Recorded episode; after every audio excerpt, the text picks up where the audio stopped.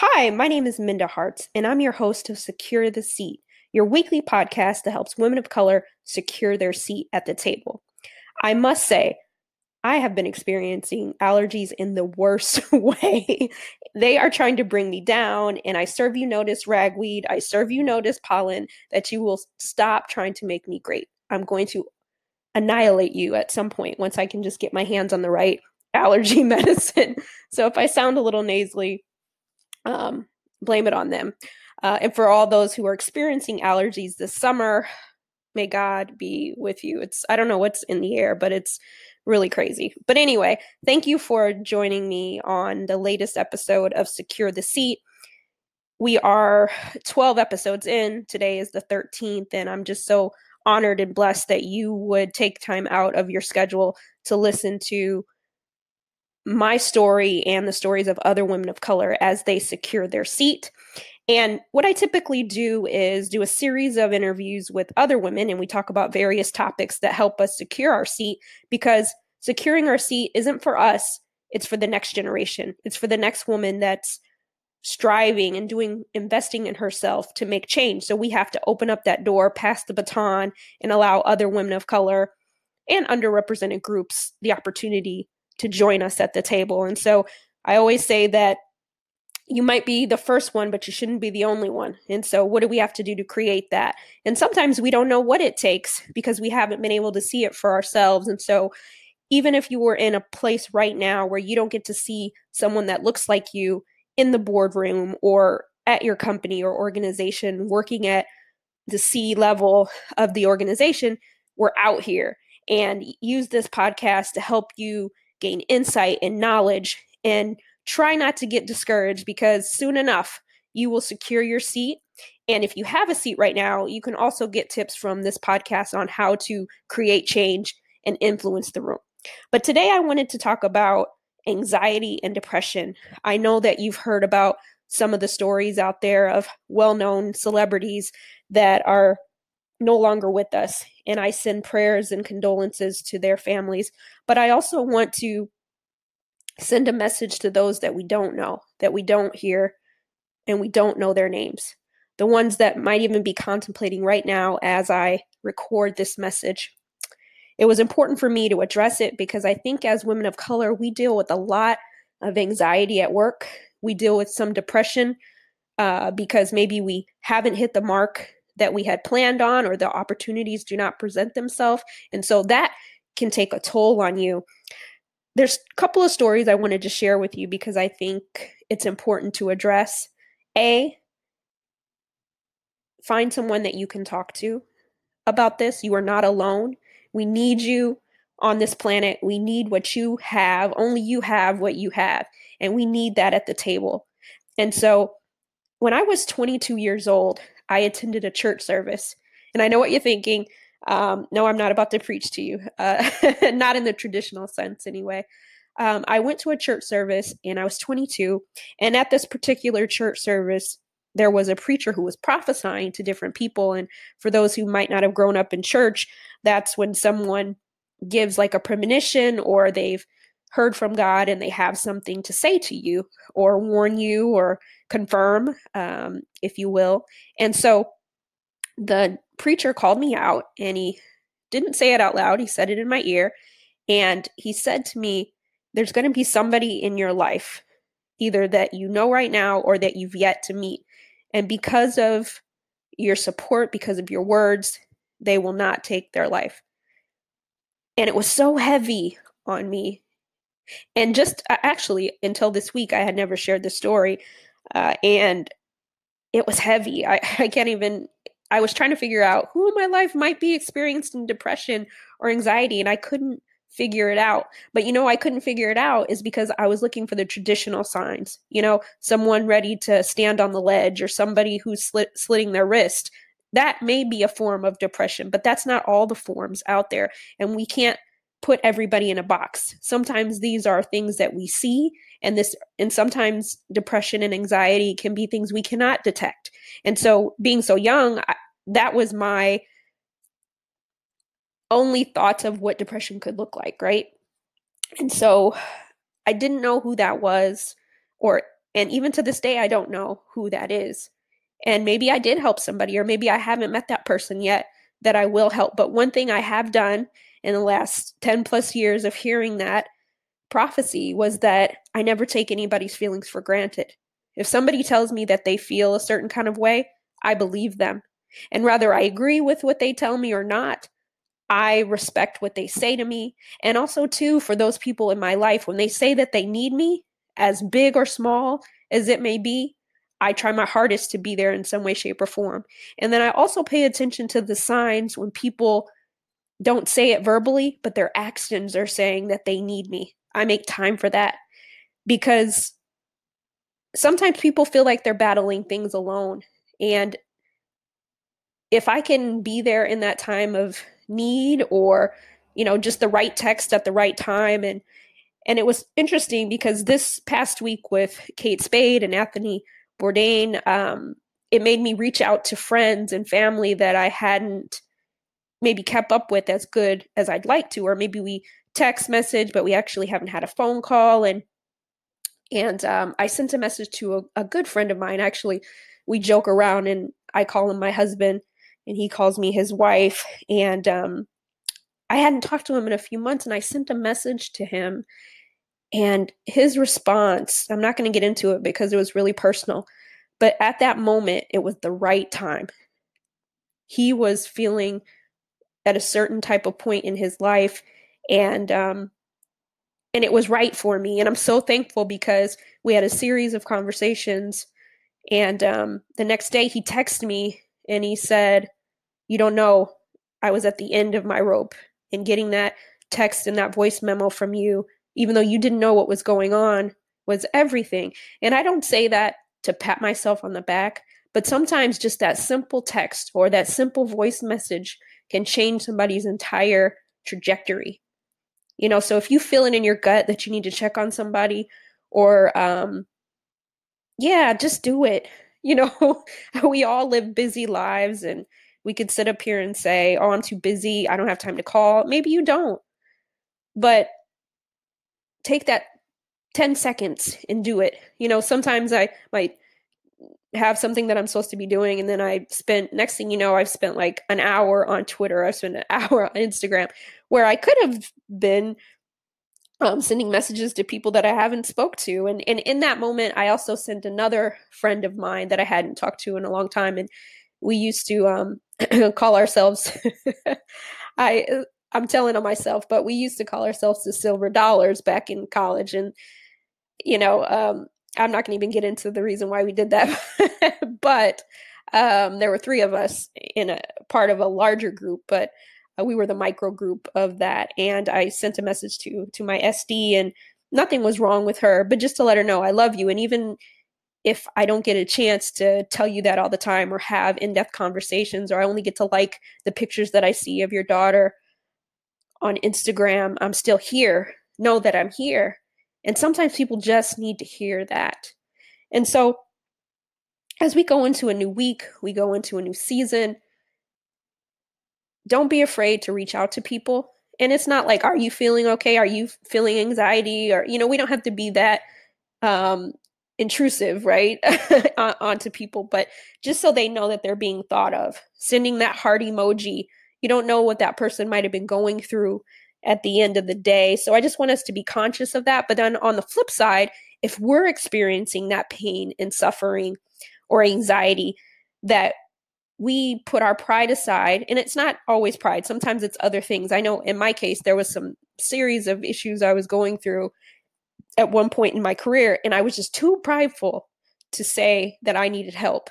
And I was experiencing a lot of anxiety to the point where I couldn't even talk in some me- meetings. I was so, I literally was paralyzed in my mouth that I couldn't even get the words out to speak.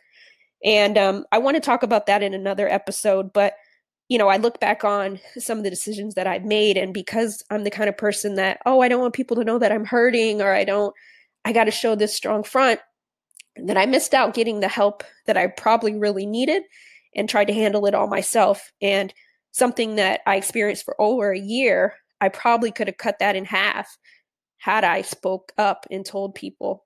Um, and eventually I did, but it, I was way far gone in the situation um, and uh, was crying out for help at that point. And for those who don't know, I have a book coming out with Hachette Book Group, Seal Press, uh, April 2019, and I talk a little bit about that uh, that story. And so I understand. So you're not going through it alone. Know that I'm here.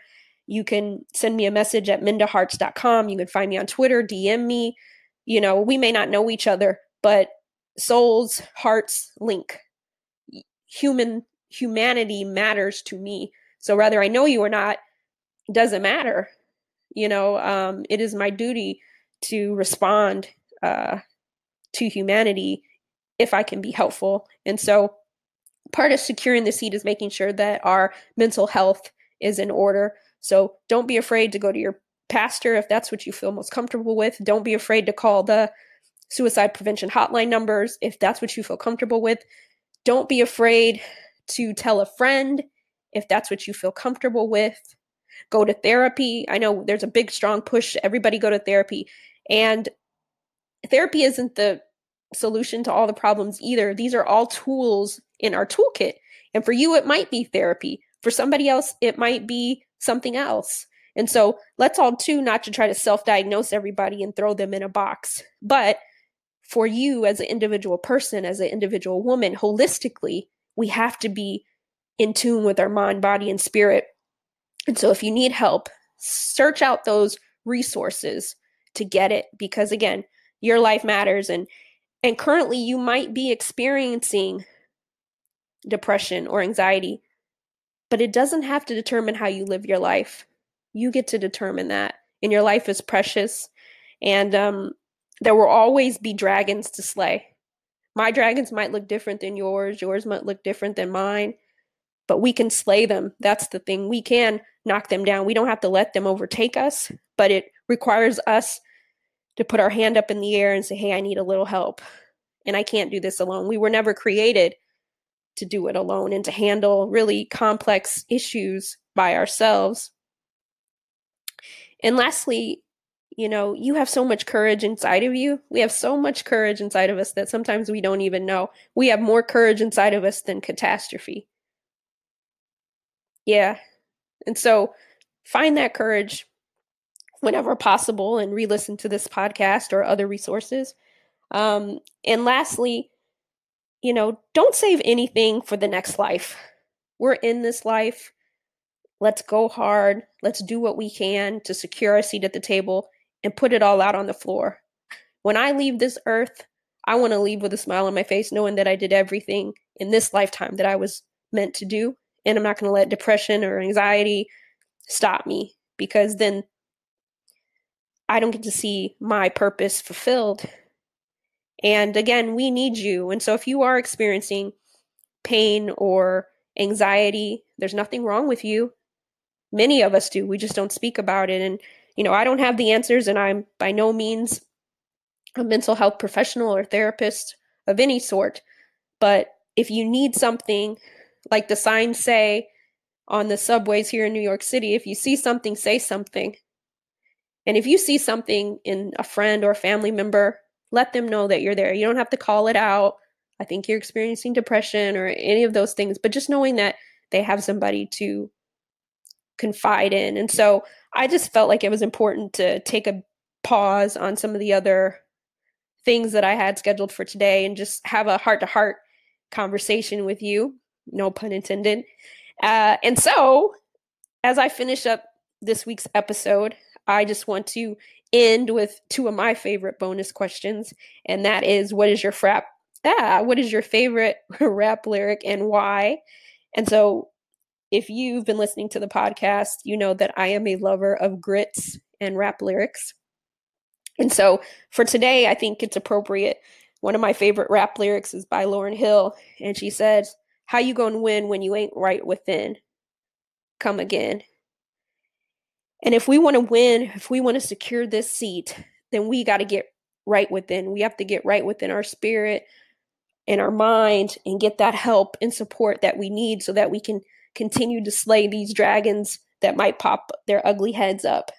And so um, that's important. We all have to do it. none of us are exempt to the dragons. Our dragons just look different. And so I'm not going to judge you for your dragons, and I hope you don't judge me for mine. But the good news is, together we can slay them and we can share resources and secure our seat in this world together. And before we go, um, I'm not going to answer the question of what does secure the seat mean to me because I think you hear about it every single week. But I did ask a, a good friend of mine, Kimberly Cooper, who is a senior manager at Herbalife Nutrition uh, in their corporate office, and she's going to tell us what securing the seat means to her, having a seat at the table, and why it's important. So, hear what Kim has to say. Hi, I'm Kimberly Cooper, and I'm Senior Manager of Worldwide Member Policy Administration at Herbalife Nutrition. Securing a seat at the table means having the opportunity to influence how others at the table perceive what the table should look like. I'm a black, dark skinned female who has beauty and brains, and I'm the youngest female on my leadership team. By being at the table, I influence people's perceptions of what type of person sits at or is in the running to sit at the table. My goal is to influence my peers who are other leaders to look beyond demographics and focus on the skill and value someone brings to the table. Now, I know that that is easier said than done, but like any cultural change, this takes time. I work hard every day to push the needle on this goal. I work hard to be an example of a good leader.